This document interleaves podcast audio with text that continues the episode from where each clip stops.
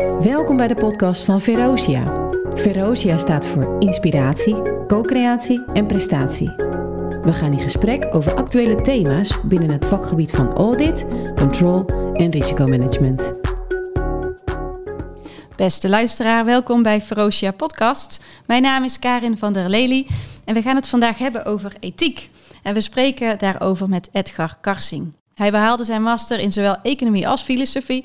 En Edgar heeft meer dan 20 boeken geschreven en geredigeerd. En meer dan 200 artikelen en hoofdstukken in vakbladen en boeken gepubliceerd op het gebied van filosofie, beroepsethiek en integriteitsmanagement. Nou, daar ga ik misschien nog wel vaker over struikelen. Hij is de winnaar van de National, National Compliance Award 2010 en regelmatig te vinden in het tijdschrift voor compliance en een veelgevraagd spreker. Edgar is tevens benoemd tot hoogleraar filosofie, beroepsethiek en integriteitsmanagement aan Nijrode Business Universiteit. Welkom Edgar. Fijn dat je er vandaag uh, bij ons bent. Dag Karen. Um, je bent werkzaam bij Nijrode Business Universiteit en adviseur voor diverse organisaties en professionals. Welke lessen heb je vanuit het verleden meegenomen? Oh, dat is een uh, leuke vraag om mee te beginnen. Nou, een van de eerste lessen die ik uh, uh, vrij snel leerde toen ik met professionals in gesprek ging, is dat ethiek en integriteit hele beladen woorden, begrippen kunnen zijn. Waar mensen ja, die vinden het vaag, soft, abstract, uh, subjectief, heel persoonlijk. Daar heeft een ander niks uh, mee te maken. Ze verwachten dat iemand die iets over ethiek en integriteit komt vertellen ook uh, heel snel met het vingertje gaat zwaaien. Dus heel moraliserend is. En ik merkte ook dat, ehm, en ik kan me dat trouwens ook wel voorstellen, als je over integriteit gaat praten, dat mensen al vrij snel eh, zoiets hebben van hoezo, is er dan wat mis met mij? Uh, heb ik iets misdaan? Ja. Uh, denk jij mij daar iets over te kunnen leren? Dus ik merkte dat uh, als je op een leuke en goede manier hiermee wil omgaan, dat je ethiek en integriteit echt heel goed moet neerzetten. En wat ik echt heb geleerd is dat, dat de zoektocht is, een leerproces waar we met elkaar steeds kijken ja, wat is hier nou het goede om te doen? Hoe doe ik de goede dingen op de goede manier? En wat mij heel erg helpt, dat is ook een beetje de titel van een boek van mij, maar eh, mhm. de oplossing is het probleem niet. Ja. Ik zie dat heel vaak uh, als ergens wat fout is gegaan, mensen teruggrijpen op regels, codes, uh, nog meer toezicht. Herkenbaar. ja. ja. Terwijl ik altijd denk van, ja, maar wat probleem zijn we eigenlijk aan het oplossen? En dat zou ook wel eens kunnen helpen over uh, met al die zeg maar, negatieve emoties die de, de onderwerpen oproepen. Dus ik zet uh, dan graag uh, een, 1, 2, 3 stappen achteruit. Ik ben filosoof, we doen dat graag. Ja. En ik denk, waarom hebben we het eigenlijk over deze onderwerpen? Nou, voor mij, om de, en dan praten we over beroepsethiek. Omdat er twee grote vragen zijn waar iedere groep mensen een antwoord op moet hebben. Hoe kunnen we vreedzaam samenleven hoe kunnen we vruchtbaar samenwerken? Dus mij helpt het om ethiek en integriteit behapbaar te maken, tastbaar te maken, door die twee, drie stappen achteruit te zetten. We zijn uh, allemaal individuen die allemaal een leuk en goed leven willen hebben, maar we gaan elkaar tegenkomen. En uh, hoe, doen, hoe zorgen we ervoor dat we elkaar de kop niet inslaan? Hoe kunnen we vreedzaam samenleven? En hoe kunnen we vruchtbaar samenwerken? Want ik wil een goed leven hebben, jij wil een goed leven hebben. We kunnen elkaar in de weg zitten, vreedzaam samenleven. Maar het is natuurlijk het allermooiste als we samen goede dingen kunnen doen. Dus hoe zorgen we ervoor dat we vruchtbaar kunnen samenwerken? Hoe verdelen we de, de baat? Hoe verdelen we de lasten? En daar gaat volgens mij ethiek over. Hoe kun je met andere partijen ja, samenleven en samenwerken? En dat geldt voor professionals als auditors, uh, controllers, compliance officers, uh, risicomanagers. Geldt dat ook? Je hebt relaties. Uh, enerzijds volgens mij ben je bezig met relaties te onderhouden. Relaties van de mhm. organisatie met bijvoorbeeld de klant, met de leveranciers, met uh, de maatschappij. Uh, en tegelijkertijd denk ik dat die beroepsethiek, hè, dit zijn allemaal, allemaal beroepsgroepen, maar ook met een eigen code, met een eigen moreel kompas, die ook steeds aangeven van ja, wat wordt er nou van jou verwacht? Hè, hoe doe ik de, ding, de, de dingen goed? Hoe doe ik de goede dingen? En dat kompas eh, biedt daar richting bij. Uh, jij draagt uh, in belangrijke mate bij aan het vertrouwen hè, van, van, van, van, de, van het management in de organisatie, van de leveranciers, de aandeelhouders, de maatschappij, de klanten. Maar dan moet je ook zelf te vertrouwen zijn. En uh, ja, dan moet je de, de, de, de, goede dingen doen op de goede manier. En het kompas biedt daar richting bij. Ja, ja inderdaad. Ja, ik was inderdaad benieuwd van hey, wat zijn nou die voordelen in ons dagelijks werk hè, van het inzichtelijk hebben van die morele kaders. Je hebt er al een paar benoemd uh, zojuist, hè? dus het vertrouwen, maar ook uh, transparantie hè, naar, de, naar allerlei partijen waarmee je samenwerkt in de keten van de organisatie waar jij werkzaam bent. Zijn er nog meer voordelen van dat we met z'n allen dat inzichtelijk hebben en die vragen kunnen beantwoorden over hoe vreedzaam en vruchtbaar, hè, vreedzaam uh, te zijn met elkaar en, en, vruchtbaar samen te werken? Nou, ik, ik denk dat vertrouwen inderdaad een, echt een basisbegrip is. Uh, iemand heeft vertrouwen ook wel eens een proximus van integriteit genoemd. Ja. En een proximus, dat is een woord dat wel verwant is aan een ander woord, maar geen synoniem is. Dus waarom is integriteit belangrijk? Nou, omdat we de ander moeten kunnen vertrouwen. We zijn afhankelijk van die ander, dat maakt ons ook kwetsbaar. Hoe kunnen we nou ervoor zorgen dat die ander ons niet schaadt? Hoe kunnen we ervoor zorgen dat die ander juist ook een bijdrage levert aan, aan ons belang, aan het algemene belang? En daarvoor is dat vertrouwen zo wezenlijk. Dat is ook een vorm van vrijlaten. Hè? Dat als ik jou vertrouw, dan geef ik jou een bepaalde mate van vrijheid om de dingen te doen zoals jij denkt dat ze goed zijn. Ja, dus, ja inderdaad. Dus eigenlijk wel mooi, want als je naar het woord kaders kijkt, dan zou dat bij sommige mensen misschien het idee kunnen opleveren dat je denkt dat je beperkt wordt, dat je ingekaderd wordt. Maar als we het er zo over hebben, dan krijg je er juist meer vrijheden door, omdat de kaders zo duidelijk zijn op moreel vlak. Dat je daarmee. Kijk, ik, ik maak wel eens vergelijking met uh, grammatica. Niet mhm. zelf bedacht, maar ik vind het wel heel inzichtelijk. We, we hebben het vaak over ethiek en integriteit als er wat fout is gegaan. Hè? Dat, dat, dat zuigt ook alle aandacht uh, op. En uh, ja, dan heb je het al vrij snel over juist beperkingen van mensen die uh, vooral aan hun eigen belang denken. Ik zie ethiek, waarden en normen veel meer als een soort grammatica. En uh, de grammatica verbiedt een aantal dingen, maar maakt ook praten mogelijk. Ja, precies. Dat wij elkaar kunnen begrijpen als wij allerlei klanken uitstoten, komt omdat wij bepaalde grammaticale regels volgen. Ja. Dus in die zin maakt het ook juist mogelijk. Het is niet alleen maar beperkend mooie manier om het zo te omschrijven en heel verhelderend. Um, hoe kunnen professionals, hè, zoals, uh, zoals ik zelf, maar ook andere professionals in, in finance, control, audit en compliance, maar daar is deze podcast ook, onze luisteraars zitten vooral in die doelgroepen. Hoe kunnen deze professionals nou die theorie over ethiek gebruiken voor het versterken van hun eigen morele oordeelsvorming?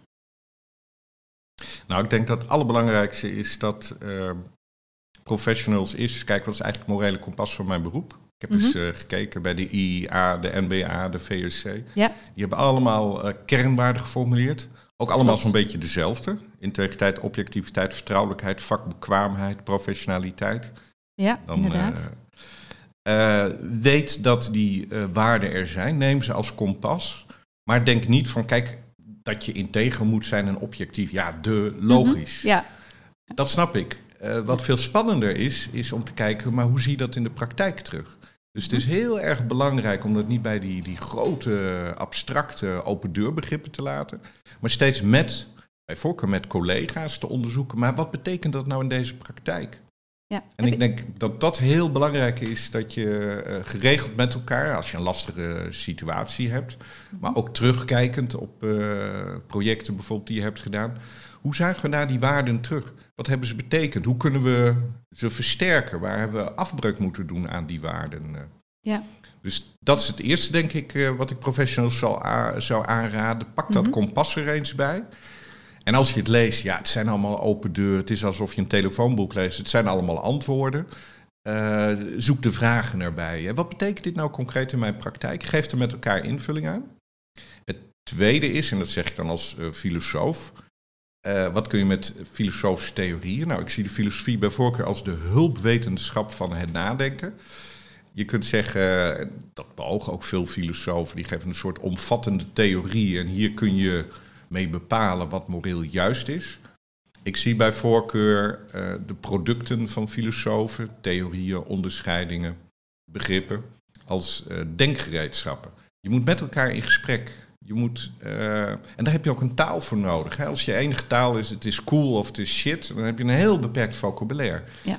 Wat, wat uh, filosofen aanreiken, vind ik, is een ja, denkgereedschap, een vocabulaire, om met elkaar dat gesprek heel scherpzinnig te voeren. En als je nou binnen een organisatie werkt waar dat nog niet zo uh, van de grond is gekomen, en nog niet zo volwassen is geweest, heb je daar voorbeelden van, van hoe je dat heel goed zou kunnen oppakken? Wat is dan de juiste manier om met zoiets te starten?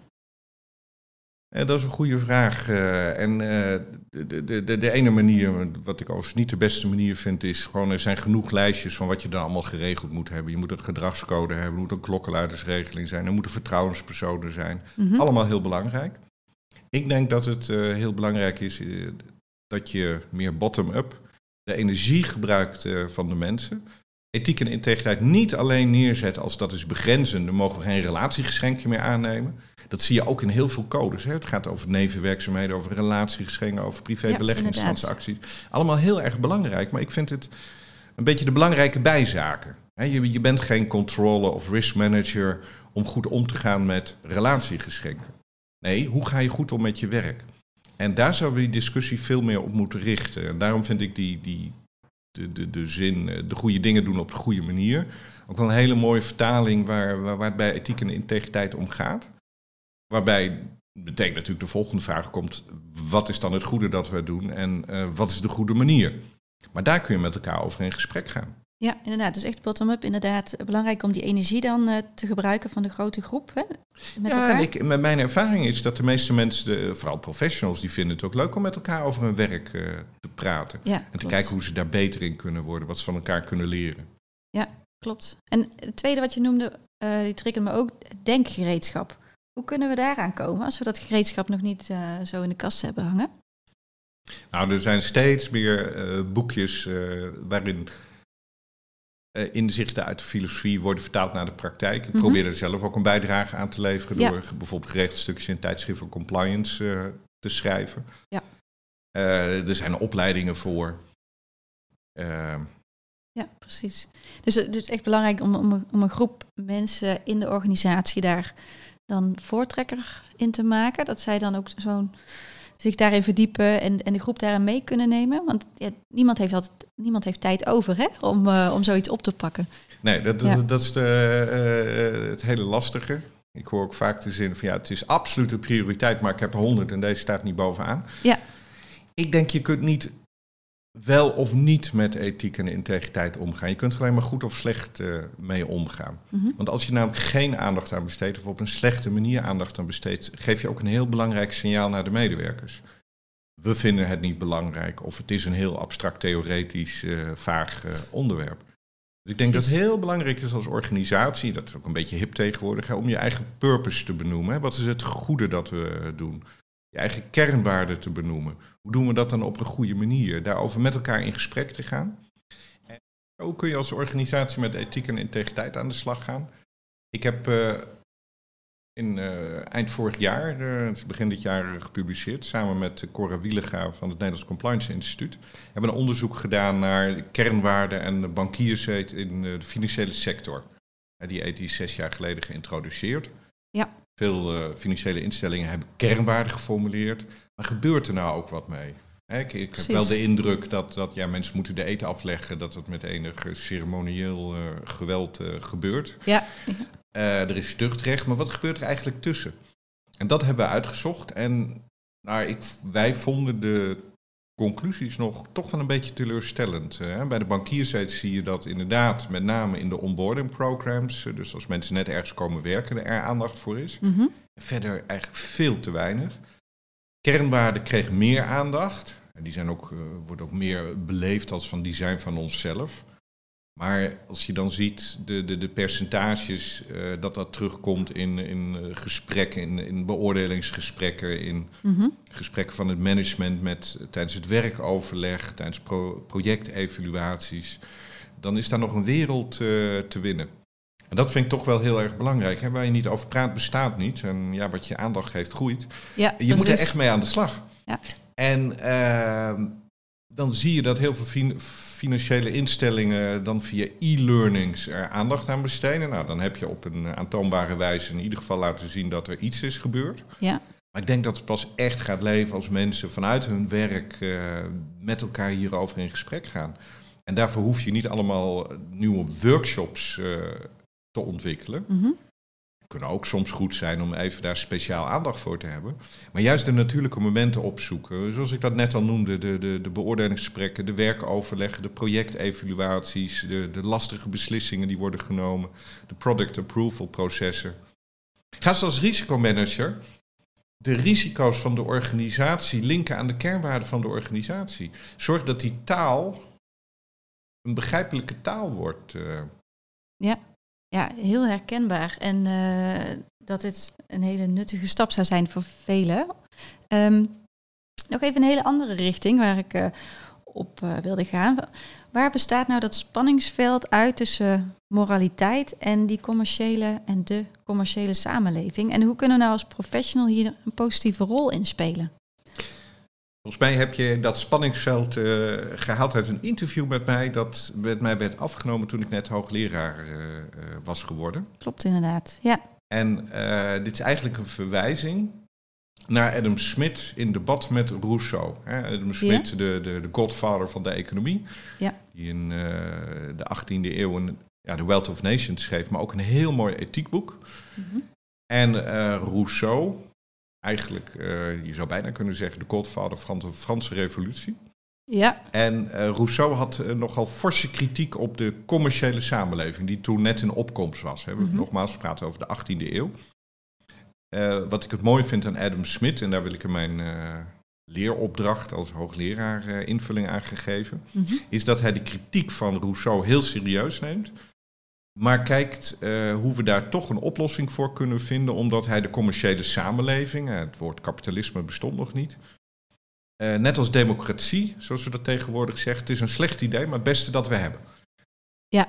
Dus hij probeert de kritieken van Rousseau serieus te nemen zonder de commerciële samenleving te verwerpen, wat Rousseau deed. Wat was nou de kritiek van Rousseau? Nou, heel in het kort. In de eerste plaats zei hij, commerciële relaties leiden tot vervreemding van jezelf. Je raakt jezelf kwijt. Hij is zeg maar de filosoof van authenticiteit. En je moet dicht mm -hmm. bij jezelf blijven, je moet jezelf zijn. Ja. Hij zei, we raken elkaar kwijt. Hoe kun je dat voorstellen? Nou, Kundera, die, uh, de, de, de romanschrijver, die heeft in een van zijn romans de uh, Brigitte Bardot-test. Ja. Dat was uh, toen zeg maar een hele aantrekkelijke vrouw waarmee ja, je graag inderdaad. gezien uh, zou willen worden. En hij stelde de vraag van, zou je nou een onvergetelijke ervaring met uh, Brigitte Bardot willen hebben, waar nooit ooit iemand achterkomt? Ja. Of dat je hand in hand met haar door de straat mag lopen. Iedereen ziet het, iedereen zet het op, zouden we tegenwoordig zeggen, op Facebook. Ja. maar verder, je mag niet met haar praten en er gebeurt verder helemaal niks. En hij zei, ik ben bang dat de meeste mensen voor de tweede optie zouden kiezen. En Ja. dat is ook een beetje waar Rousseau bang voor, voor is. We gaan niet meer voor, de, voor jezelf zijn, voor, voor authenticiteit, maar vooral Mhm. wat anderen van je denken. Dus je vervreemdt van jezelf en je vervreemdt ook nog van elkaar. Relaties worden heel transactioneel. Ja. Het, het, het gaat er veel meer om, eh, wat heb ik aan jou? Wat, eh, what's in it for me eh, in onze relatie? En eh, veel, meer, veel minder, what's in it for us? Hoe kunnen we Waarbij de ander het wel moeten zien dan, eh, zeg maar, waarbij je het wel wil uitstralen of de status belangrijk is of dat, dat andere mensen weten van jouw succes. Eh, nou ja, dat, dat, dat hoort ook nog bij die vervreemding van jezelf. Ja. En van elkaar. Ja, eh, met jouw vraag laat je heel mooi zien, dat loopt natuurlijk helemaal door elkaar heen. Ja. en ehm,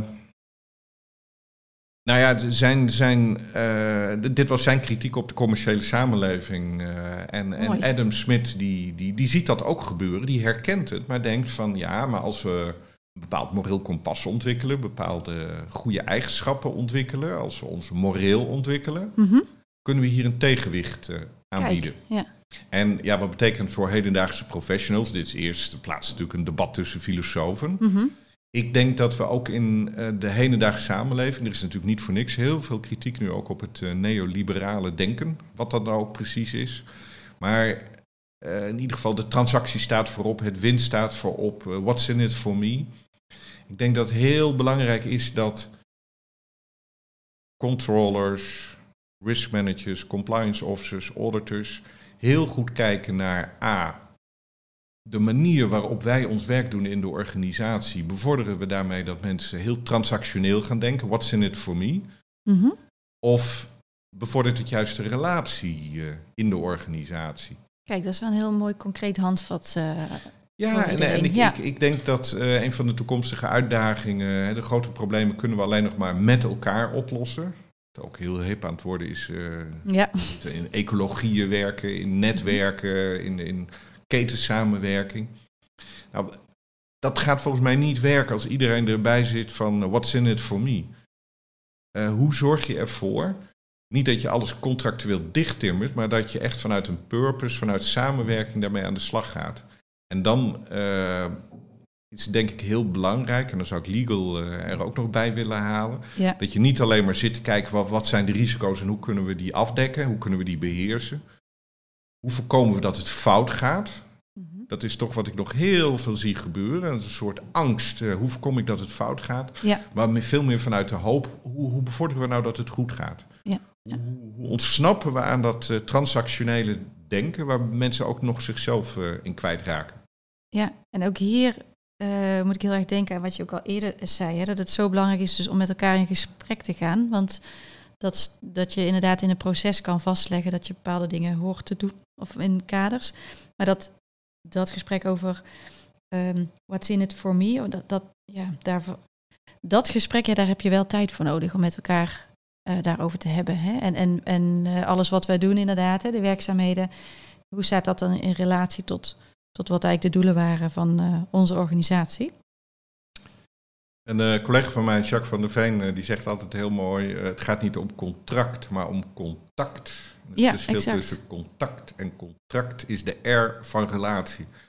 Ik denk dat we veel meer in die relatie moeten investeren. We moeten elkaar kennen. We Ja. zijn mensen, we zijn hele sociale wezens. Mhm. Maar we moeten ook investeren, wat willen we met elkaar? En dan kom je toch weer op die begrip als purpose. Wat is de bedoeling van wat we met elkaar willen bereiken? Wat is het hogere doel? Het komt hier wel heel erg in terug, inderdaad. En ook als het aan het begin, toen we het over vertrouwen hadden, ja, daar heb je ook weer dat contact natuurlijk voor nodig. Want dat ontstaat niet op papier. Ik Ja. denk dat, eh, dat dat een heel belangrijk punt is eh, wat je zegt. Eh, nogmaals, we zijn allemaal mensen en we zitten zo in elkaar dat we elkaar leren vertrouwen door inderdaad eh, contact te hebben, door met elkaar Ja. te praten, elkaar te zien. eh. Oké, ja. Ehm, nog een laatste vraag om mee af te sluiten, deze podcast. Ehm, wat zijn in de toekomst belangrijke ethische thema's om te verbeteren of beter te begrijpen? Waar moeten we met z'n allen mee aan de slag? Nou, wat een, hele spannende is, eh, waar ik de laatste tijd veel mee bezig ben geweest, is de rol van techniek. Ja. En eh, die, die, die kun je niet puur instrumenteel benaderen in de zin van, eh, nou ja, ja, met een mes kun je een brood snijden of iemand vermoorden. Eh, kunst don't kill people, people kill people. Van, nou ja, een techniek kun je goed of slecht eh, gebruiken. Ik denk dat we heel goed moeten snappen dat er een soort dans is tussen de mens en de techniek dat die techniek invloed op ons heeft. Als ik een berichtje op LinkedIn zet, dan eh, ga ik ieder kwartier kijken of ik al likes heb. Dat hoef ik niet te doen, maar de, de drang om dat te doen is wel heel erg groot. Dus die Ja. techniek doet wat met ons. Ja. Dus eh, de, dat roept allemaal hele interessante, spannende vragen op. Waarvan ik denk dat auditors, compliance officers, controllers, risk managers eh, heel goed moeten kijken wat de, de producten en diensten van de organisatie, wat daarvan de maatschappelijke impact is. En dat gaat Mhm. echt verder dan alleen privacy. Ja. Maar ze zullen ook zelf eh, natuurlijk steeds meer met eh, nieuwe technologische ontwikkelingen als kunstmatige intelligentie aan de slag gaan. Wat betekent dat voor, eh, denk even aan de discussie die we net hadden over transactioneel versus relationeel. Mhm. Wat betekent dat voor de manier waarop mensen in de organisatie werken? Wat betekent dat ook voor hunzelf? Ja. Misschien dat veel meer van hun werkzaamheden eh, eh, ja, door de techniek worden overgenomen. Ja, Dus ik denk dat de- deze beroepsgroep steeds meer mensen mensen moeten gaan worden. Waar het steeds meer gaat om het goede gesprek, om de relatie, om met elkaar veel meer adviserend dan controlerend. Ja. Dus dat roept nu eh, spannende vragen op. Als ik puur begin bij de ethiek, dan denk ik dat een eh, ontwikkeling als cultuur en gedrag, die eigenlijk na de financiële crisis is ingezet, mede door de toezichthouders in de financiële sector, dat er daar nog een wereld eh, te winnen is. Hoe je dat echt handen en voeten geeft. En daarbij ook de rol van ethisch leiderschap. Wat is dat nou precies? Wat mag je van het management verwachten? Welke rol spelen ze precies? En hoe kun je daar, als je bijvoorbeeld auditor bent, in je audit ook naar kijken? Hoe neem je dat mee? Hoe kun je signalen afgeven eh, wat wel werkt en wat niet werkt? Ja, dat zien we inderdaad wel terug. Ook exact die onderdelen, dat het nog lastig is om het te vertalen naar de eigen praktijk, naar de eigen organisatie. En wat hier ook eh, geldt, ik, ik las dat laatst, eh, dat, volgens mij bij de Rabobank. En je hebt het Three Line of Defense model, eh, wat natuurlijk erg hip is. Ja. Dat ze er een Three Lines of Responsibility van hebben gemaakt. Oké. Ik, eh, ik, ik heb altijd een moeite gehad met het Three Line of Defense. Dat is Mhm. eigenlijk oorlogstaal. En ik vind het wel heel erg mooi, Three Lines of Responsibility. Het gaat erom dat we allemaal ons zien wat onze verantwoordelijkheid is. Dat we die oppakken, dat we die ook willen oppakken. Ja. En wat, wat is daar nou voor nodig? Hoe creëer je een cultuur, een organisatie, Mhm. waarin dat wordt bevorderd? Vanuit die, die, die, die, die eh, niet vanuit angst, maar vanuit hoop. Dat mensen echt de goede dingen willen doen. En gaan doen. Op een goede manier. Een heel mooi handvat ook waar we ja, direct mee aan de slag kunnen. Ehm, zijn er nog andere eh, aspecten die je zou willen belichten? Of zijn dit wel de belangrijkste? Ik vind deze wel heel erg belangrijk. Eh, Een paar kleintjes, eh, hoewel ze ook wel weer heel groot zijn. Ehm, er is tegenwoordig veel aandacht voor purpose, voor de why, voor de be- werken vanuit de bedoeling. Ik denk dat dat echt is wat mensen kan binden. Dus eh, dat daar veel meer aandacht voor zou moeten zijn. Ja. Maar niet alleen als een mooie slogan op een website. Maar om daar voortdurend ook met elkaar het gesprek over te voeren. Wat betekent dit dan? Ja. Ik zie dat veel organisaties zeggen we, we moeten een speak-up cultuur hebben. Mhm. Helemaal mee eens. Er moeten klokkenluidersregelingen zijn. Helemaal mee eens. Ja. Maar speak-up cultuur vind ik nog te vaak ingevuld worden als je moet elkaar aanspreken. Mhm. Ook heel erg belangrijk. Maar aanspreken ervaren heel veel mensen als een conflict. Ja. Van, oh, dit gaat ruzie worden. Dus ik denk als je een Exact. cultuur hebt waarin mensen elkaar aanspreken, dan, eh, dan, dan ben je eigenlijk al klaar. Wat, Ja. wat volgens mij veel belangrijker is, dat we maar eens beginnen met elkaar gewoon eens uit te spreken, met elkaar te bespreken wat is het goede wat we doen. Dat we werken aan, zoals Edmondson dat noemt, psychologische veiligheid. Dat mensen ook het gevoel hebben dat ze gewoon wat kunnen zeggen, Ja. zonder dat ze meteen worden afgetikt.